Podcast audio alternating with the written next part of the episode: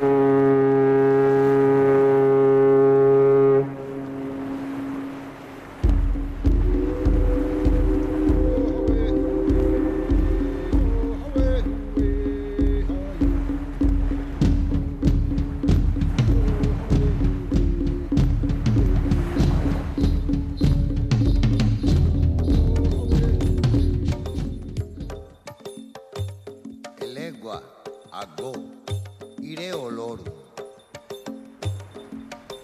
¿Qué tal estamos? Bienvenidos a Levando Anclas. Esta vez subimos a las cumbres más elevadas de cada continente. Cabalgamos a caballo por la Patagonia y nos vamos a fotografiar reptiles por el África Austral. Así que, para empezar, el que nos va a llevar por las montañas más elevadas de cada continente es Paco Monedero. Paco Monedero, que ha escrito un diario de las siete cumbres sobre su experiencia en las montañas más elevadas de estos continentes. De su mano, pues recorremos las selvas de Papúa, llegamos a Kanmandú, Alaska, la Antártida, relata las vicisitudes al ascender a la Concagua, al Everest, al Kilimanjaro, al Elbrus, al Denali, a la pirámide de Castes y al monte Winson. Y luego vamos a recuperar una entrevista realizada a Xavier Aguirre en el programa especial de los 20 años de Levando Anclas, celebrado en directo y con público el 25 de marzo de 2004 en el actual Ichas Museum. Uno de los invitados especiales fue Xavier Aguirre. Participó Xavier Aguirre mmm, hablándonos de una travesía a caballo por la Patagonia. La idea partió de Antonio Biorquia, un reconocido andinista argentino. Xavier Aguirre cumplió 66 años en el transcurso de esta expedición que se celebró en el año 2000. Fueron apoyados por la Confederación Gaucha Argentina. Salieron de Río Gallegos frente a Tierra de Fuego para concluir en Carmen de Patagones, donde termina la Patagonia y comienza la Pampa. Una larguísima cabalgada que duró 5 o 6 meses. Vamos a recordar a Xavier Aguirre lo que nos contaba de ello. Y para terminar este Levando Anclas, pues estaremos con Javier Lobón Rovira. Hace un doctorado de biología sobre reptiles del sur de África. Actualmente reside en Florida y suele hacer fotografía de fauna. En Angola, por ejemplo, ha estado en cuatro ocasiones, la última con una beca de National Geographic. Cada vez que hace exploraciones, pues se tira unos 4.000 o 5.000 kilómetros en busca de nuevas especies de reptiles. ¿Ha encontrado estas especies nuevas de reptiles? Bueno, lo sabremos al final de este programa de Levando Anclas, que con muchos temas para hablar, pues ya comenzamos.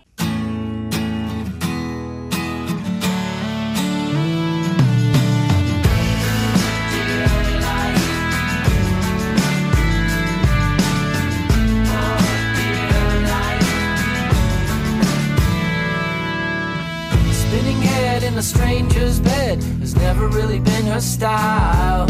But she doesn't care, she just needs somewhere to lay down for a while. Cause she can't go home and she can't be alone. There's no place in this world.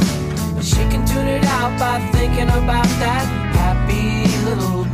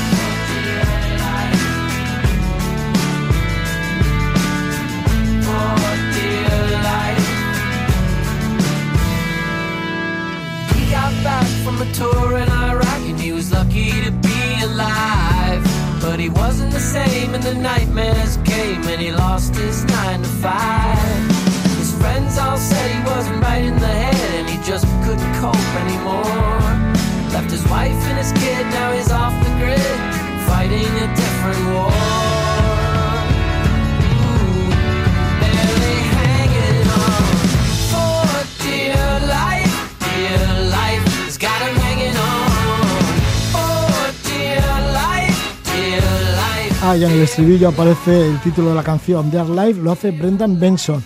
Y vamos a ir con el desafío de las Seven Summits o las siete cumbres. Consiste en alcanzar las cumbres más elevadas de cada uno de los continentes. El montañero segoviano Paco Monedero consiguió este objetivo en enero de 2012. Fue de Alaska hasta la Antártida pasando por el Everest. Explica al detalle sus ascensiones en el libro Diario de las Siete Cumbres. El lector recorre de su mano las selvas de Papúa, Katmandú, Alaska, la Antártida, sube a la Concagua, al Kilimanjaro, al Elbrus, al Everest, a la pirámide de Castens, al Denali y al monte Winson. Paco Monedero además cuenta en su haber con tres 8000, el Gansenbrunn 2, el propio Everest y la antecima del Choyu. Es guía de montaña y ha realizado más de 70 expediciones internacionales a numerosas cordilleras y montañas del mundo. Le saludamos a Paco Monedero. Buenas noches, Gabón, Paco. Gabón, buenas noches. Bien, Paco, cuando empezaste este diario, que fue en la Concagua en el año 2004, ¿tenías en la cabeza la idea de completar estas siete cumbres? No, para nada. La verdad es que esa idea surgió al descender de la cuarta, nada menos, del Everest, y fue un poco, bueno, pues por decir, oye, ya sin querer parece que llevamos aquí cuatro, porque las otras fueron sucediéndose. En el caso de la primera que me comentas, de la Concagua, pues fue más que nada una búsqueda de, de, ver algo personal, cómo me sentía en una altitud ya de prácticamente 7.000 metros, en solitario, y, fue una expedición que, que realicé más que nada pues como un proyecto personal, ¿no? Y luego se han ido sucediendo pues como el Kilimanjaro, el Elbrus, las hice un poco también de, por el trabajo, ¿no? Por, subida de montaña y, y nada, y, y luego ya el, el tema fue más que nada el, el decir voy a acabar este proyecto fue como como te indicó al, al descender del Everest, porque antes, la verdad, un proyecto de tantas montañas no me, no me lo había planteado. Sí que sabía que, que, bueno, alguna de las siete cumbres estaba haciendo y eso, amén de muchas otras montañas, ¿no? Pero, pero bueno, era un reto que ahí ya cuando bajé del Everest y al tener cuatro y también enseguida se me ofreció la posibilidad de, de poder ir a, a, la, a las selvas de Papúa, pues, pues bueno, fue un poco así, ¿eh? Y luego ya el sí, resto sí. fueron las dos más frías, ¿no? Las la de Ártico y Antártida. Sí, y en este proceso que va del 2004 al 2012 también va cambiando mucho tu vida, mucho tus sentimientos, claro. la relación con la montaña y todo esto, porque esto sí que se expresa también en este diario de las siete cumbres. Sí, es como has podido ver un diario en el cual, eh, bueno, descubro también mi lado más íntimo, no, no oculto debilidades o errores y bueno, al final es un diario, ¿no? Un diario, no nos vamos a hacer trampas al solitario, quiero decir. Cuando uno escribe un diario, escribe lo que siente. Y si estás escribiendo lo, lo que sientes, pues sale todo, ¿no?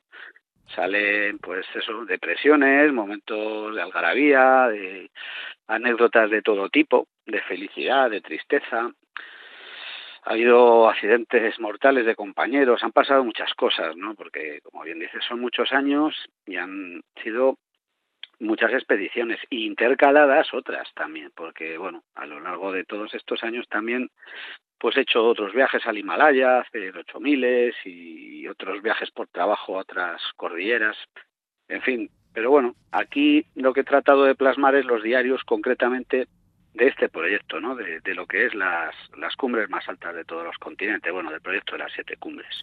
¿Qué es lo que te ofrecen estas siete cumbres? Y bueno, y en general, ¿qué te está ofreciendo la montaña, Paco? Bueno, la montaña para mí, yo como siempre digo, es una forma de vida, ¿no? La, la montaña es va mucho más allá de un deporte, de que son experiencias desde que, que sales de casa, ¿no? Es viajar, es una aventura constante, es cultura, es gentes ¿no? que conocen maravillosas de todo, gastronomía, es una vida mmm, quizás más intensa que la que podamos vivir ¿no? en, nuestras ciudades o, en nuestra vida ordinaria, pero, pero realmente es eso, ¿no? Al final el acercarte a un gran montañón en el cual tienes que hacer un viaje largo, hacer luego una aproximación a la montaña que muchas veces son hasta peligrosas y, y hasta que te pones a pie de vía pues se tarda tiempo y, y pasan muchas cosas y pasa tiempo, ¿no? Y pasa gente y, y en fin es al final una, una amalgama de, de cosas que es lo que hace que, que esto del mundo de la montaña sea tan apasionante y, y la verdad es que guste tanto, ¿no? Que la gente que sobre todo estamos, como digo yo, más enganchados a este veneno de la cobra, pues, pues la verdad es que ya no lo puedes dejar. La montaña también te ha dado seguridad por esto de conseguir grandes victorias, ¿no? Por llegar al, al Everest, ¿no? Que, que bueno, que igual te da confianza más en ti mismo, entre otras, Mira, ¿no? Y de vencer depresiones da, y demás. Sí, mira, en el Everest, a, ver, mm, en el Everest lo que me hice fue quitarme, o, me ayudó en parte a superar una gran depresión por, por unas tragedias que ocurrieron en mi familia. La muerte de mi hermano, entonces llevé las cenizas a, a la cima del Everest y al, ir con él, al acompañarme, al dejarlo allí, me quité gran parte de, ese pesar, ¿no? En cuanto a, a, la fuerza mental y a la seguridad que me preguntaba, sí que es cierto que te da, te da el, escalar sobre todo, ¿no? El poner, el jugártela, yo creo que el jugártela te da, en cualquier faceta de la vida, ¿eh? te da una seguridad ¿eh? posterior. Yo creo que vale para muchas cosas, no solo para la montaña, pero indudablemente en la montaña cuando te la juegas y sales airoso y consideras que lo has hecho bien, que has hecho buen trabajo, pues sí que es cierto que, que te quedas muy bien, con un gran sabor de boca, ¿no? Y eso incide en lo que es, pues eso, al final, eh, la propia vida de cada uno, ¿no? Y el, ir curtiéndonos, esa experiencia que se va recogiendo y que va forjando las, las personalidades de cada uno. Te voy a preguntar por las tres primeras cimas de esta de estos Seven Summits, de las siete cumbres, la de la Concagua, la del Kilimanjaro y el Elbrus, antes de llegar al Everest. Bien, en lo de la Concagua ya has dicho, fue una apuesta en solitario, era enero de 2004. ¿Cómo se llega hasta el campo base de la Concagua? Digo, para el que se quiera iniciar en esta gran cima, la cima mayor de todo el continente americano, ¿Cómo se llega hasta allí y luego con quién te encuentras? Porque el famoso lugar de Plaza de Mulas está a 4.300 metros, lo hemos oído tantas veces hablar, pero una vez que lo realizas, ¿cómo resulta? Pues eh, es, yo lo recuerdo que hace ya bastantes años y además a la Concagua pues no, no he vuelto. Iba a haber ido alguna vez a trabajar, pero no, he, no he vuelto a regresar. Y hace ya años, unos cuantos años. Recuerdo aquello, una larga caminata, lo describo en el libro, creo que bastante con bastante afinándolo no porque era como una especie de playa larga inmensa y surcando ríos de, de, hielo de, los glaciares no que vienen también de, de Plaza de Francia de la Cumbre Sur y, y bueno sí que recuerdo fíjate una cosa que me sorprendió es que la primera vez que vi el Aconcagua me dije a mí mismo, alá, y eso no voy a poder subir yo no voy a poder subir. Entonces, al verlo, una, anécdota que siempre comento porque es que me sobrecogió, me pareció un montañón que dije, yo creo que Paco te has equivocado. Este tema no es para ti. y lo vi, lo vi muy elevado. Y ahora con todos los respetos, después de, de, pasar tanto tiempo y tantas montañas, pues, pues fíjate, no, a mí la palabra fácil nunca me gusta ¿eh? decir de, la montaña, pero sí que es, pues a lo mejor dentro de las siete cumbres es una de las tres más asequibles, junto con las otras dos que me has comentado, ¿no? Con el Elbrus y el Kilimanjaro. Sí, porque... Sí, te escucho. Sí, porque si nos vamos al Kilimanjaro, bueno, por cierto, que cuentas también que aunque fuiste en solitario, pues te encontraste con cuatro montañeros de Guecho, Iván, Ander, Aitor y Miquel, Sí, esto es en la Concagua, ¿cierto? Sí, en la Concagua, ¿no? Y que, bueno, un saludo, sí, sí, sí. Ah, sí, sí. Y, y nada, eh, sí, había unos rechotarras que, que, muy majos, estuvimos allí, yo como iba solo y tal, pues como, al final se, aquello se hace como un pequeño pueblo, ¿no? Y cada uno, bueno, pues llega la hora de... Además recuerdo que es que yo llegué y se organizó una tormenta de estas, de, bueno, de las memorables. con, sí, sí, con todo el aparato eléctrico, con los rayos que caían al lado de la tienda, tremendo. Y bueno, cuando pasó la cosa, pues salimos como los caracoles, cada uno con sus viandas, yo saqué algo de chorizo de Segovia, ellos algunas cosas también allí, anchoas y tal, y, y bueno, la verdad es que es lo que te decía antes, ¿no? Las montañas al final, un lugar maravilloso para conocerse. Ya, y que une, y que bueno, tenías muchos sí. relatos. El claro. caso es que luego ya llegó el Kilimanjaro, que el Kilimanjaro, si la Concagua no has vuelto allí, al Kilimanjaro ya has vuelto cuatro veces, en la última fue en sí. diciembre de 2021, y la primera ascensión es la que narras, por supuesto, ahí en el libro, y dices que lo subiste muy, pero, pero muy rápido, ¿no? Tanto la ascensión, sobre todo el descenso. En total 74 sí. horas, sin, aclimata sin aclimatación previa.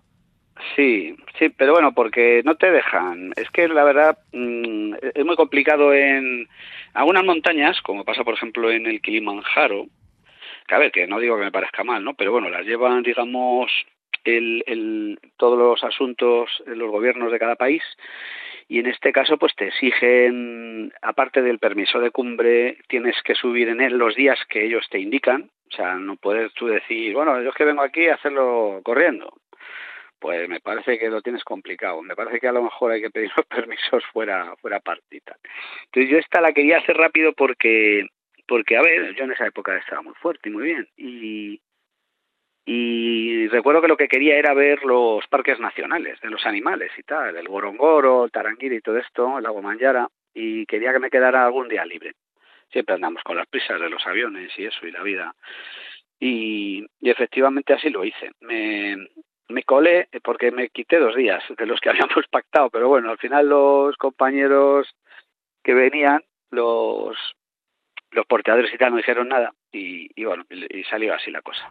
Eh, pero bueno, la verdad es que bajé demasiado rápido porque al llegar abajo me, me dio un pequeño derrame nasal que, que poco más y me, me da un buen susto, porque si bien es cierto que de niño he sufrido alguna vez, pues esto, que te sangra la nariz y tal, pero esta veía yo que no paraba y de repente piensas y dices, ostras, estoy en Mosi, aquí en medio de Tanzania, mmm, no sé dónde está el hospital más cercano. y, y, bueno, cosas que pasan. Entonces tienes que mantener sobre todo la casa muy fría. El Kilimanjaro, la montaña más elevada del continente africano. Luego llegó el Elbrus de 5.642 metros, que es la mayor eh, elevación de, del continente sí. europeo, en la cordillera del Cáucaso, en Rusia que por cierto casi pisas una mina antipersona, pero por lo demás te resultó bastante fácil, ¿no? Bueno, mucho viento también, mucho frío. No la llegué a pisar, no la llegué a pisar la mina porque si no, no estaríamos hablando seguramente. No, ya, menos mal. Pero sí. sí. vi una mina, pensaba que era, eh, primero creía que era una seta de lejos, pero, pero al acercarme pude ver que era una mina. Y sí, sí, fue una historia bastante fuerte porque te, te dabas cuenta que, claro, que salirte de los caminos era peligroso era peligroso. Me puse a coger setas y, y nada, estaba buscando y tal, y digo, esto, casi la piso. Y era una mina antipersona, se lo dijimos ahí a la gente que estaba y fueron luego a, a desactivarla y tal. Pero claro, es que nosotros llegamos allí y acababan de estar en plena guerra, ¿no? Esto de Chechenia y todo esto.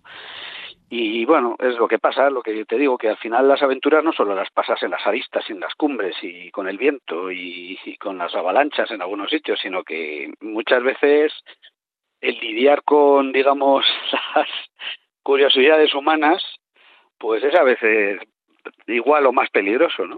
Sí.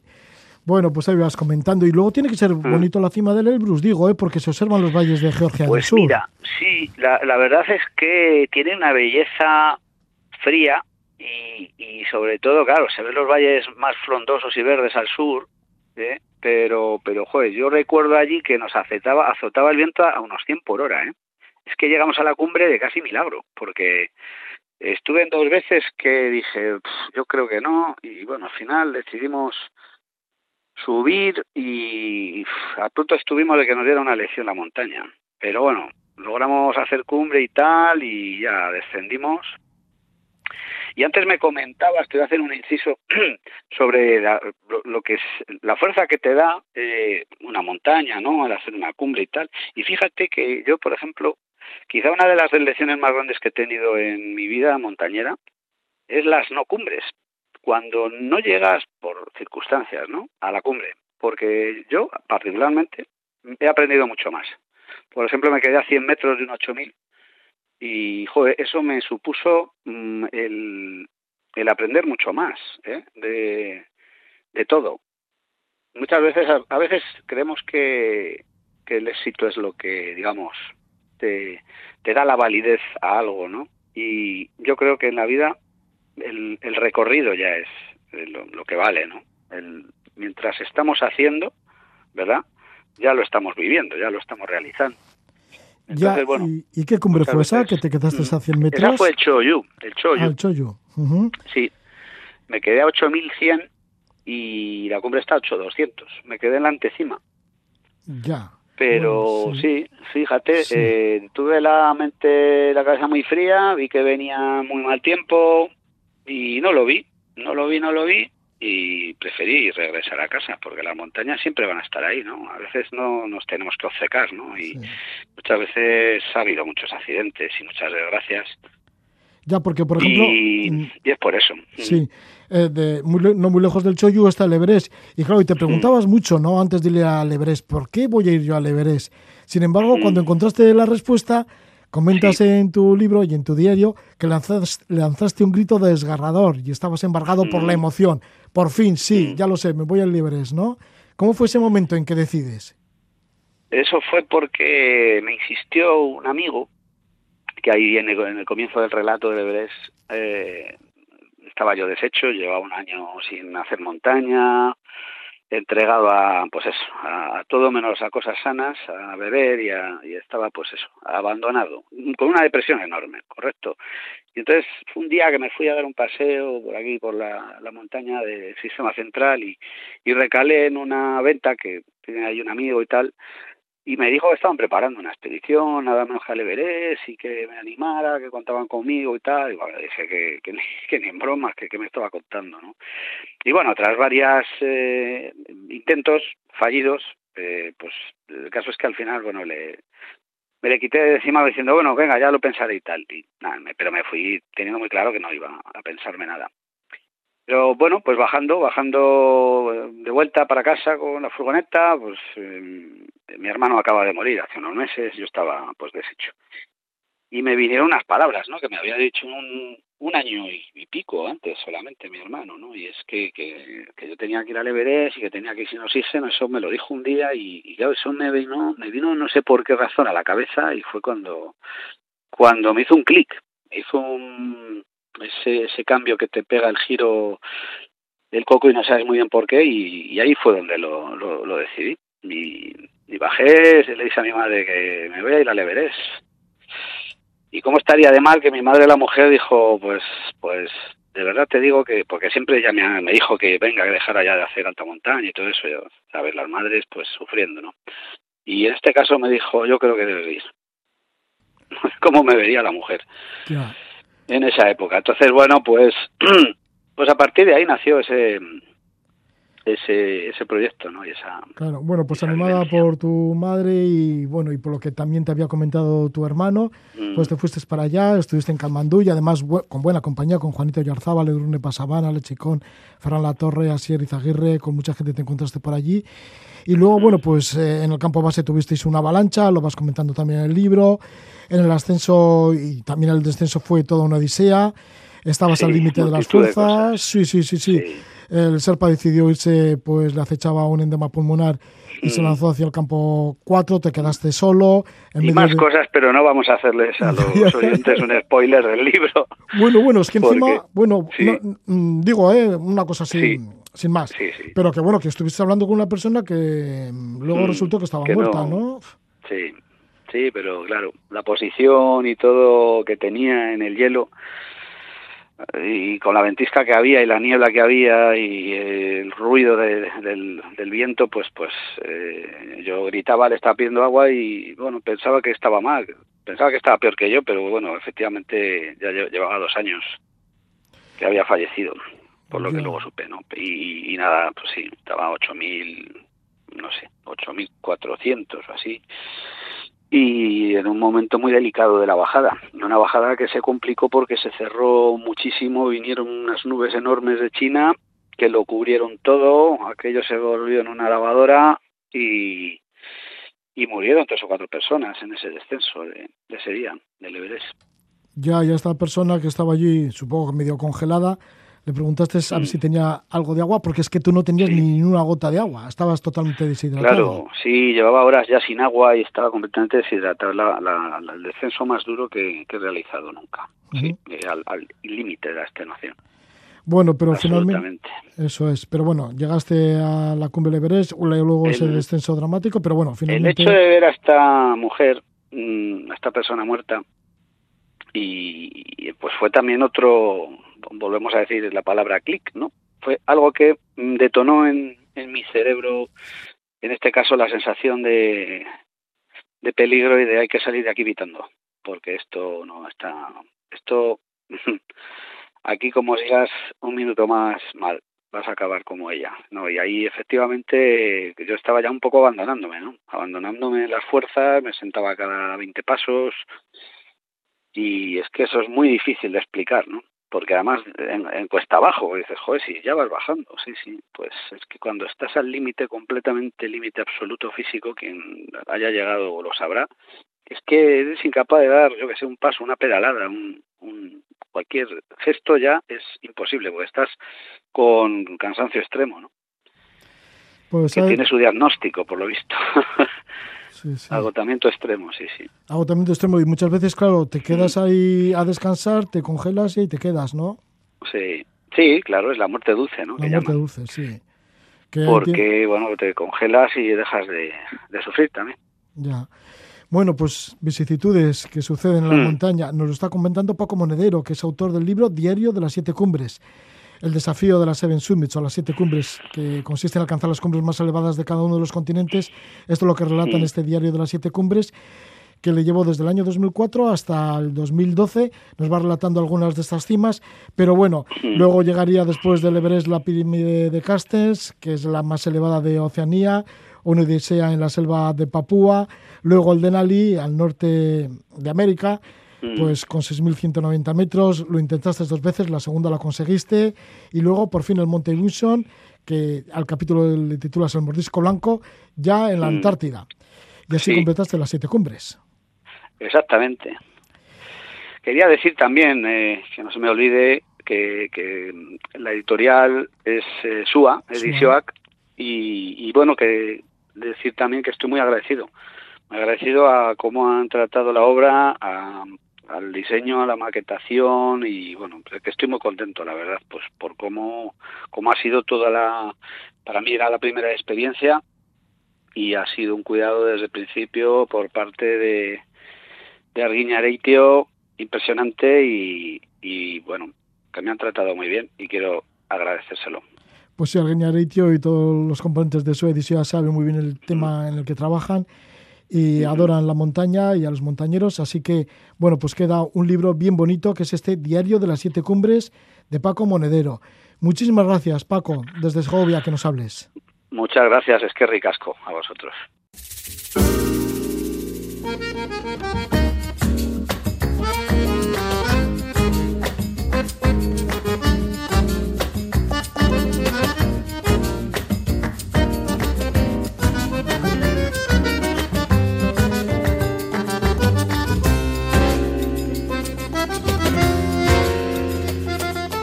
Rescatamos en Levando Anclas una entrevista con Xavier Aguirre realizada el 25 de marzo de 2004. Estábamos en directo ante unas 700 personas en el actual Ichas Museum de Bilbao. Celebrábamos por aquel entonces los 20 años en antena de este programa de Levando Anclas. Xavier Aguirre nos contaba una expedición a caballo a lo largo de toda la geografía de la Patagonia Argentina hasta llegar a La Pampa. Fue esta expedición en el año 2000 y Xavier cumplió en el transcurso de la misma 66 años. Vamos ahora entonces a retroceder a 2004. Estamos con Xavier Aguirre en directo en este programa, en Levando Anclas.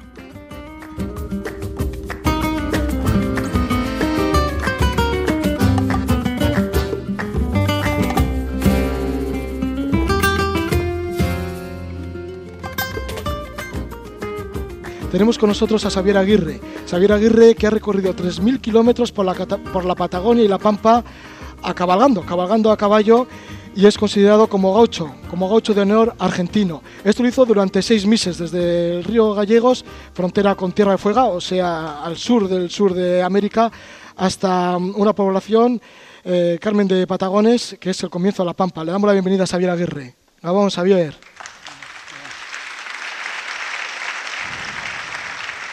Una expedición de lo más especial, ¿no? Porque esto de cabalgar por toda la Pampa, como los gauchos había una motivación que, bueno, tiene un carácter casi histórico en el sentido de que lo que tratábamos era de reproducir una expedición que había realizado en el año 1869 en los tiempos de, pues, de Livingstone, que tanto hablabas en tus programas antiguos de televisión y demás, y de Barton y de algunos otros exploradores muy importantes. Entonces, el primer explorador realmente importante de la Patagonia fue un inglés también que se llamaba Munster. Entonces este escribió un libro muy minucioso, era capitán de barco, y este libro pues estaba medio olvidado.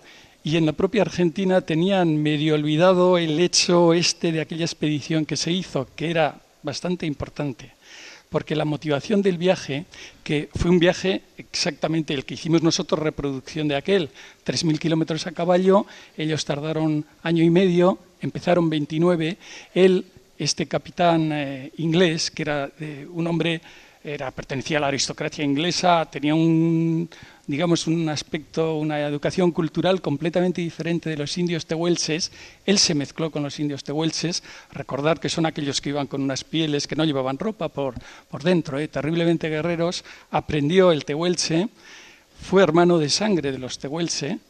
Entonces les acompañó en una expedición que tenía, era una misión histórica que es lo más importante de todo, porque el que nosotros tardáramos en hacer eso cinco meses y lo hiciéramos exactamente igual, bueno, pues fue divertido entre otras cosas, nos costó un poco de esfuerzo, a los caballos mucho más que a nosotros, porque algunos se quedaron por el camino, pero lo que se trataba era de que los argentinos conocieran que en aquel tiempo unos tehuelches, con un inglés que hacía de secretario de ellos, fue a reunir a una reunión que hubo de todas las naciones indias, del sur de América, hablamos del año 1869. Es la época del general Custer, de las grandes guerras con indias en Estados Unidos. Es la misma época, pero es algo que es poco conocido. ¿no? Entonces, esta expedición se hizo exclusivamente y se movieron 2.000 kilómetros hacia el norte para reunirse con los caciques del norte, que era el cacique Saihueque, que tuvimos ocasión de conocer a descendientes del cacique, de este cacique Saihueque, seis generaciones después casi. ¿no? Entonces, con el cacique Casimiro, que era de los tehuelches, iba de secretario precisamente Muster, un inglés que hablaba inglés, español y tehuelche y hacía de secretario porque los tehuelches del sur hablaban otro idioma que los mapuches, todos medio chapurreaban el español. Entonces se reunieron todas las naciones indias en el país de las manzanas y pactaron no atacar a los españoles que llamaban a los argentinos españoles. ¿eh? porque acababa de independizarse Argentina. Tomaron esa decisión de no atacar a los españoles y entonces recorrieron 2.000 kilómetros más desde los Andes en la zona norte de la Patagonia, en los Andes, hasta el Atlántico, eh, para comunicarles a los españoles al puesto de Carmen de Patagones, que era un puesto muy parecido a lo que se ve en las películas del oeste, que no iban a atacar, que no iban a hacer los malones, como las, malonas se llamaban, los ataques indios. ¿no? Entonces tenía un sentido histórico. Y lo que quisimos hacer es reproducir exactamente el viaje en todos sus términos y de las mismas formas. Sí, emular a George Muster eh, entre aquellos años de 1869 y 1870. Y brevemente, Xavier, porque ya veo que se nos está escapando el tiempo, como siempre, cuando está lo más emocionante de, del programa. Recordamos que estamos aquí en el Museo Marítimo Ría de Bilbao, estamos en directo en un especial de Banda Anclas 20 años. Xavier, ¿cómo está la Pampa ahora? ¿Con qué Pampa os habéis encontrado? ¿Se puede cabalgar a caballo? ¿Se pueden hacer tantos eh, kilómetros sin problemas? Sí, hicimos 3.000 kilómetros, pero cada, al día hacíamos 40, cada 20 kilómetros nos encontrábamos con un problema que son las cercas las cercas, las alambradas, como llaman ellos, el alambre.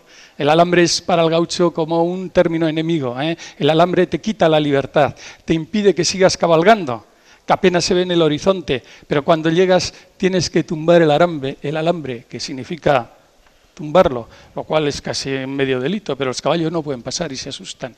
Entonces, el libro que, porque todo esto lo organizó, no hay tiempo de decirlo, pero un argentino, Antonio Beorquean Gris, que fue el organizador de todo, nosotros fuimos meros acompañantes, entonces el libro suyo se titula Patagonia Dios, en el sentido de que Patagonia como país salvaje, sin horizontes y donde puedes moverte dos mil kilómetros hacia el norte o hacia cualquier dirección, pues ya no es posible si no tumbas el alambre, sino pisas el alambre, también le llaman. Y esta expedición ha tenido mucha repercusión en Argentina, porque la Confederación Gaucha Argentina os ha nombrado gauchos argentinos, y esto es todo un honor.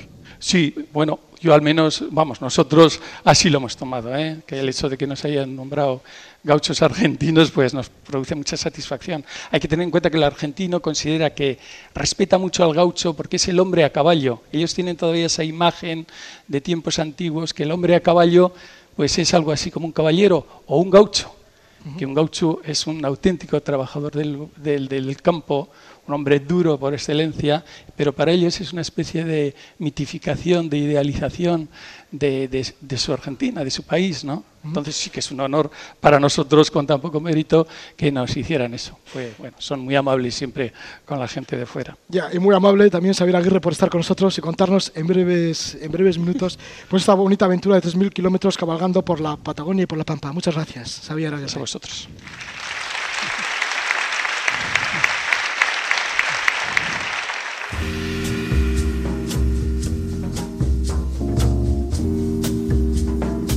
Hemos recogido esta breve entrevista realizada en marzo de 2004 con Xavier Aguirre. Xavier Aguirre, nombrado caucho de honor en la Argentina. También cruzó varias veces el Océano Atlántico a vela.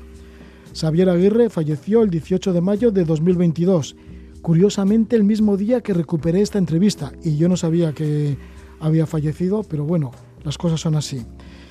Vamos a continuar en Levando Anclas y seguimos con las aventuras.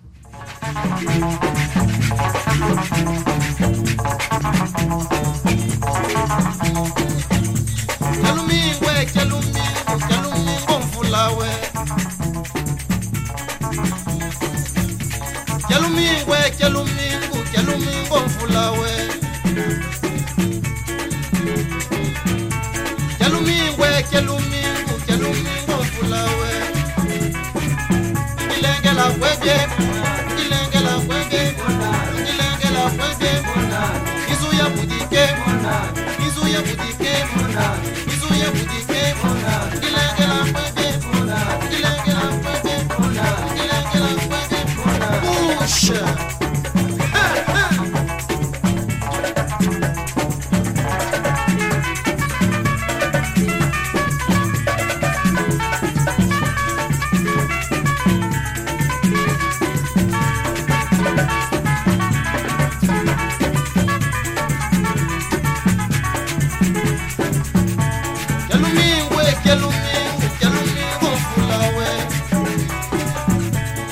Urbano de Castro desde Angola con el tema Kia Lomingo. Nos acercamos a Angola y a otros lugares del continente africano, especialmente en donde se ha acercado nuestro invitado Javier Lobón Rovira. Él es biólogo, hace un doctorado en biología evolutiva sobre geckos del sur de África. Los geckos pues vienen a ser una especie de reptiles con escamas. Eh, Javier Lobón Rovira, que participa en expediciones de investigación documentándolas con fotografías. No hace mucho expuso en el Museo Nacional de Ciencias Naturales de Madrid con el título de Vuelta a África, Memorias de una biodiversidad perdida. Javier nació en Asturias, ha vivido en Madrid, también en México, en Costa Rica, en Canadá, en Portugal y desde hace seis meses está en Florida, en Estados Unidos. Ha investigado y sacado imágenes en Tanzania, en Madagascar, en Sudáfrica, en Cabo Verde, en Marruecos, Túnez y ha estado cuatro veces en Angola, país que lo ha recorrido en su totalidad. Desde Florida nos habla Javier Lobón Rovira. Le damos la bienvenida. ¿Qué tal estás, Javier? Hola, ¿qué tal? Buenas noches. Javier, pues haces fotografías de conservación, lo documentas y yo no sé si te da la sensación de que esta documentación mm, es una documentación que podemos perder, que igual con el tiempo, a, través de los años, lo que estás fotografiando ya no puede existir. Bueno, pues sí, pues ese, ese es uno de los riesgos que, que hay en día, ¿verdad? Que, bueno, hay muchas especies que se están perdiendo y, y parte de mi trabajo es eso, es documentarlas antes de que, de que las hayamos perdido por completo e intentar hacer que la, que la ciudadanía y, y, y el, las personas en general pues puedan tener cierto interés sobre ellas. Presentas una biodiversidad entonces muchas veces desconocida. ¿Qué son los geckos y en qué lugares los estudias? Bueno, los geckos son un grupo de reptiles eh, que en Europa están menos representados, pero bueno, son las las que se conocen en, en España como salamanquesas, son esas lagartijas que corren por las paredes por la noche y que se encuentran en los focos y que, bueno, tienen una diversificación muy grande en, el resto del mundo, en Sudamérica, África y, y, Asia, e incluso en Australia. Y, y, bueno, yo estoy enfocado sobre todo con los gecos del sur de África. Para ello, pues te acercas a lugares en donde está fuera de todo recorrido, de toda ruta. Sí, bastante. Eh, bueno, intentamos ir a zonas a las que nos ha ido antes y, y intentar buscar eh, algunas de esas especies que todavía no se conocen. ¿Todavía hay especies nuevas para la ciencia dentro de los gecos? Sí, eh, todavía quedan muchas, eh, sobre todo en, en África y, y, Asia se están describiendo continuamente y, por ejemplo, nosotros en 2021 hemos, de, hemos descrito eh, ocho especies solo en Angola y sabemos que hay otras cuantas más que, bueno, intentaremos trabajar en ellas en, en los próximos años. Has estado ya cuatro veces en Angola. ¿Cómo son tus recorridos por Angola? Porque conoces casi todo el país o todo el país, que Angola es bastante extenso. Bueno, conozco la gran mayoría. La, zona que más desconozco, por decirlo de alguna manera, es el este, la zona que está tocando ya con, con Botswana y Zimbabue, eh, y Zambia, perdón, eh, pero pero sí, sobre todo el, oeste, la zona del desierto y la zona del norte, eh, la he recorrido bastante, la verdad. Tu última estancia en Angola ha sido con una beca de National Geographic y además te has acompañado del biólogo angoleño Pedro Vaz Pinto. ¿Por dónde habéis os habéis movido en esta ocasión?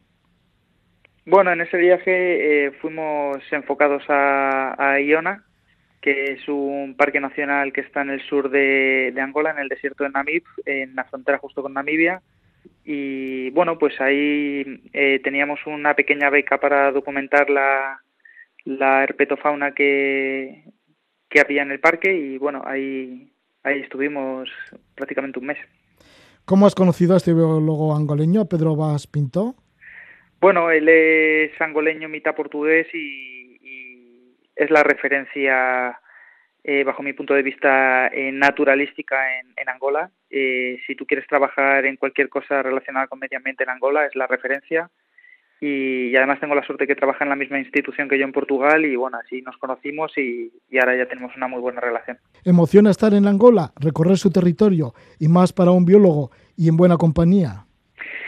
Pues la verdad es que sí. La, cuando empecé a trabajar allí, eh, la verdad es que era bastante desconocido para mí porque conocía otras partes de África y, y, no sabía lo que me iba a enfrentar y cuando y la primera vez que llegué allí eh, la verdad es que me enamoré del país eh, porque es el único país de toda África que puedes pasar de estar en un bosque lluvioso en una selva eh, de la cuenca del río Congo eh, ir a la sabana luego bajas por la escarpa que es Rainforest otra vez bajas a la, a la sabana seca de costa y acabas en el desierto y todo eso lo puedes hacer prácticamente en un día también hay bastante montaña ¿no? es, es una de las peculiaridades de Angola eh, que puedes ir del nivel del mar hasta casi los 2.500 metros en, en, un día. Eh, tiene una zona que se llama La Escarpa, eh, que está como, pues la verdad es que no te sé decir la referencia exacta, pero eh, está como a, digamos, eh, 50 kilómetros de la costa y se levanta desde prácticamente el nivel del mar hasta los 2.000 metros. Entonces, eh, hace la diferencia entre sabana a bosque lluvioso y, y, la verdad es que es una maravilla. Una maravilla. Y en estos lugares, en estos paisajes tan distintos que hay en Angola, ¿por dónde has estado? Luego hablaremos del último, ¿no? El Parque Nacional de Iona. Pero, ¿cuáles son los otros paisajes por donde has estado? El colaborador Pedro Baspinto con el, con el que trabajo eh, dirige el proyecto de la palanca negra gigante, que es una de las especies más protegidas en África, porque ha estado en peligro de extinción por la guerra civil que había en Angola y, y, él trabaja principalmente en el Parque Nacional de Cangandala, que es eh, bosque de Miombo, que es sabana, y, y, en la Reserva Integral de Luando. Y allí he pasado bastante tiempo también, y luego en la zona árida de, de Benguela y, y en Cuarza Azul. En estas zonas también hay animales así como de los típicos que podemos saber de los cinco grandes en África, o ya es otro tipo de fauna? Bueno, los cinco grandes teóricamente están, lo único que que en Angola les han machacado mucho y están prácticamente extintos. Eh, león eh, a veces aparece por la zona de Miombo, en la zona del plató, la zona alta. Eh, leopardo debería haber. Eh, yo he visto cerval. Rinoceronte no queda ninguno, eso seguro. Y elefante hay elefante de foresta. ¿Esto porque es por la, por la guerra civil que ha durado tantos años en Angola? Efectivamente, sí. Eh, el hambre es lo que tiene y entonces, bueno, pues eh, todos estos animales pues han sido perseguidos, la verdad. ¿Cómo es el Parque Nacional de Iona, en donde habéis estado últimamente? Bueno, es desierto, desierto, desierto. Hay, hay, hay principalmente cuatro zonas, que es la zona costera de dunas de costa como de playa. Luego está el desierto de dunas, eh, que es como el desierto del Namib, de arenas más naranjas y, y rojas. Eh, luego tiene una zona de desierto rocoso, eh, que son más planicies y zonas como de grava, y luego tiene la zona de, de montañoso también, que es muy árida. Así que más bien puro desierto. Puro desierto, sí. ¿Y cómo es estáis? una continuación del desierto de Namib. Una continuación del desierto de Namib, claro, que vendrá de Namibia por toda la costa, que llega a Angola. Mm, ¿Y qué infraestructuras tenéis para estar en el desierto? Porque ahí os tiraréis varios días. Bueno, infraestructura ninguna. Eh, tenemos el, el, coche y tiendas de campaña. Y con eso, pues, intentamos, bueno, no lo intentamos, lo disfrutamos, la verdad. ¿Cómo es la vida allí en el desierto, en este Parque Nacional de Iona? Bueno, allí vivir, vive, viven los jimbas y viven también mucubales, que bueno, son principalmente gente nómada, eh, que va buscando agua, ahora tienen, eh, son, son también ganaderos, eh, pero bueno, la vida en todos los desiertos eh, pues es dura, ¿no? A ese, hay que acostumbrarse. Vosotros ahí en la tienda, ¿cómo, cómo os cobijáis? Y bueno, ¿y todo va bien? ¿Con una tienda de campaña simple para estar en el desierto? Ah, sí, sin ningún tipo de problema. Eh, tampoco pasamos mucho tiempo en, en la tienda porque eh, nosotros principalmente los animales los buscamos de noche, los reptiles, eh, porque durante el día hace muchísimo calor, eh, entonces los animales se refugian igual que nosotros. Entonces eh, los animales salen de noche y además los, los gecos principalmente eh, son nocturnos, salvo algún grupo que es diurno. Entonces eh, por las noches a lo mejor podemos estar buscando animales hasta las 12, 1 de la mañana y luego a las 5 de la mañana por norma general estamos despiertos. ¿Cómo son estos gecos? ¿Son a veces reptiles grandes o pequeños? Bueno, son más bien pequeños, son más bien pequeños. Algunos de talla media, eh, pero no son los típicos reptiles grandes. Hay mucha variedad, eh, pero, pero suelen ser, suelen ser pequeños, crípticos. Algunos viven en la arena, otros en las rocas. ¿Y hay animales endémicos también? ¿Hay gecos endémicos en esta zona? Ah, bueno, muchísimos, muchísimos. La mayoría son endémicos y si no son endémicos, son endémicos del desierto de Namib, eh, que es entre Namibia y, y Angola. Eh, pero Angola tiene un eh, nivel muy alto de endemismos eh, y hay animales como por ejemplo el Colecanus plumicaudus, que es un geco que tiene la cola como si fuese la pluma eh, de un ave, otro que es atigrado. Bueno, tiene bastantes animales endémicos. ¿Cómo los vais registrando? Porque los fotografiáis y también los registráis, los medís o, o cómo hacéis? Bueno, de, sí, eh, tomamos medidas, tomamos tejidos y si hay alguna especie nueva, pues la llevamos a algún museo donde es depositado para luego intentar describirlo. Javier, y no solo has estado en Angola, ya has estado en cuatro ocasiones y vas a volver dentro de poquito. También has estado, entre otros, en Madagascar. Claro, Madagascar es una isla que está ahí en el Océano Índico, frente a las costas del continente africano, y tiene fama de que hay mucho endemismo. ¿También hayas encontrado dentro de los reptiles mucho endemismo?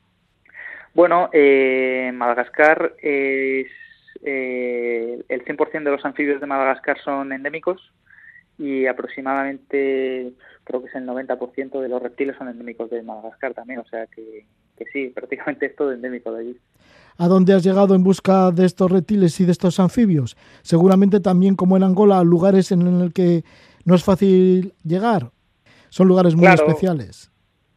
Claro, como bueno, lo que como yo trabajo sobre todo en, taxonomía, que es eh, intentar buscar nuevas especies y describirlas, e intentamos ir a las zonas que son menos ace- accesibles, porque en las zonas más accesibles ya está prácticamente todo hecho, ¿verdad? Pero bueno, en Ma- en Madagascar eh, solo he estado una vez, pero fue una expedición grande, estuvimos casi tres meses y fuimos al macizo de Andringitra, que está en el sureste de, del país y bueno, sí, el acceso es, relativamente complicado. ¿Y cómo es esta zona de Andringitra, que es de montaña y así? ¿También hay bosque o Sí, es, es- más árido?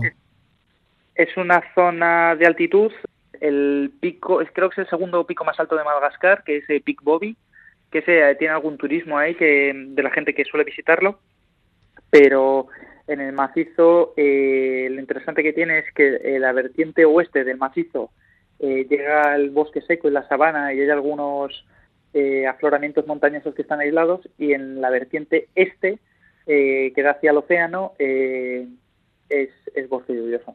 ¿Cómo son las vistas? Bueno, pues la zona de altitud es macizo rocoso eh, espectacular, eh, más alpino, eh, que tiene poca vegetación, y si te vas a la vertiente este, eh, es bosque lluvioso tropical, selva mm, espectacular, y la otra vertiente es seco. Pero bueno, también tienes que tener en cuenta que Madagascar, eh, prácticamente el 90% del país eh, ha sido deforestado el bosque pri- primario. Entonces, bueno, lo que van quedando son parches de, de bosque primario entre millones de cultivos de arroz principalmente. Últimamente también has estado en Costa Rica. Costa Rica, que tiene mucho bosque lluvioso. Fíjate también el contraste ¿no? con el Parque Nacional de Iona en Angola o esta zona que has nombrado de Madagascar. ¿Con qué te has encontrado en Costa Rica? Bueno, en Costa Rica ya lo tengo un poquito más interiorizado porque estuve pasando ahí una pequeña parte de mi vida y, principalmente he ido a, la vertiente, bueno, en este viaje he ido a las dos, a la vertiente caribeña y, del Pacífico, siempre es diferente. Eh, la biodiversidad que hay en Costa Rica es, espectacular y, una de las más únicas del mundo. Sí, mucho bosque y mucha selva también, ¿no? Muchísima, muchísima y muchísima biodiversidad. En cuanto te metes en el bosque puedes sentir ya los animales y, y los anfibios y, todo. La verdad es que yo estoy enamorado de Costa Rica. Sí, y cuando mm, te encuentras, por ejemplo, en el desierto de Namib o en el Parque Nacional de Iona, que también has dicho que es bastante árido y desértico, ¿hay peligro con los escorpiones o otros animales venenosos? No sé si hay serpientes así en el desierto también, claro, que las puede haber. Bueno, sí, hay muchos escorpiones y muchas serpientes. Las dos peligros, pues bueno, eh, pues si vas sin precaución, pues siempre te puedes tener un accidente, pero bueno, con precaución yo nunca, yo nunca he tenido ningún problema y he manejado escorpiones, he manejado serpientes, eh, lo único que, bueno, tienes que aprender a, manejarlos, lo que no puedes hacer es sin conocerlos, intentar manejarlos porque te puedes llevar un susto, ¿verdad? ¿También estudias los escorpiones? No, no los estudio, pero bueno, siempre me han, me han gustado y, bueno, les he puesto interés. Y, y bueno, pues eh, más o menos eh, intento, intento reconocerlos, intento saber de qué especie se trata o por lo menos de qué género se trata y, bueno, y fotografiarlos también. Sí, porque nunca ha habido experiencias traumáticas. No, no, no, y cruzo los dedos para que no para que no pasen, porque una experiencia traumática en medio del desierto puede ser puede ser la última, así que esperemos que, que no. Pues que sea así, que no, y que sigas yendo por el desierto tanto en Angola como en otros muchos países, que sigas volviendo también a las selvas de Costa Rica.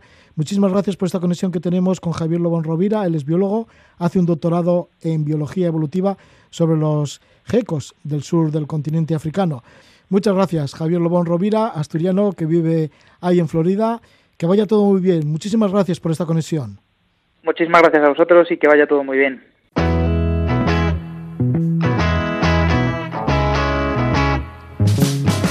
Javier Lobón Rovira desde Florida en busca de nuevas especies de reptiles en países del África Austral, por ejemplo Angola. Ya terminamos y nada, desearos que vaya todo bien, que tengáis buena prueba y os esperamos con más aventuras en el próximo programa de Levando Anclas. Escuchamos la música de Jason Jack, Dulces Sueños.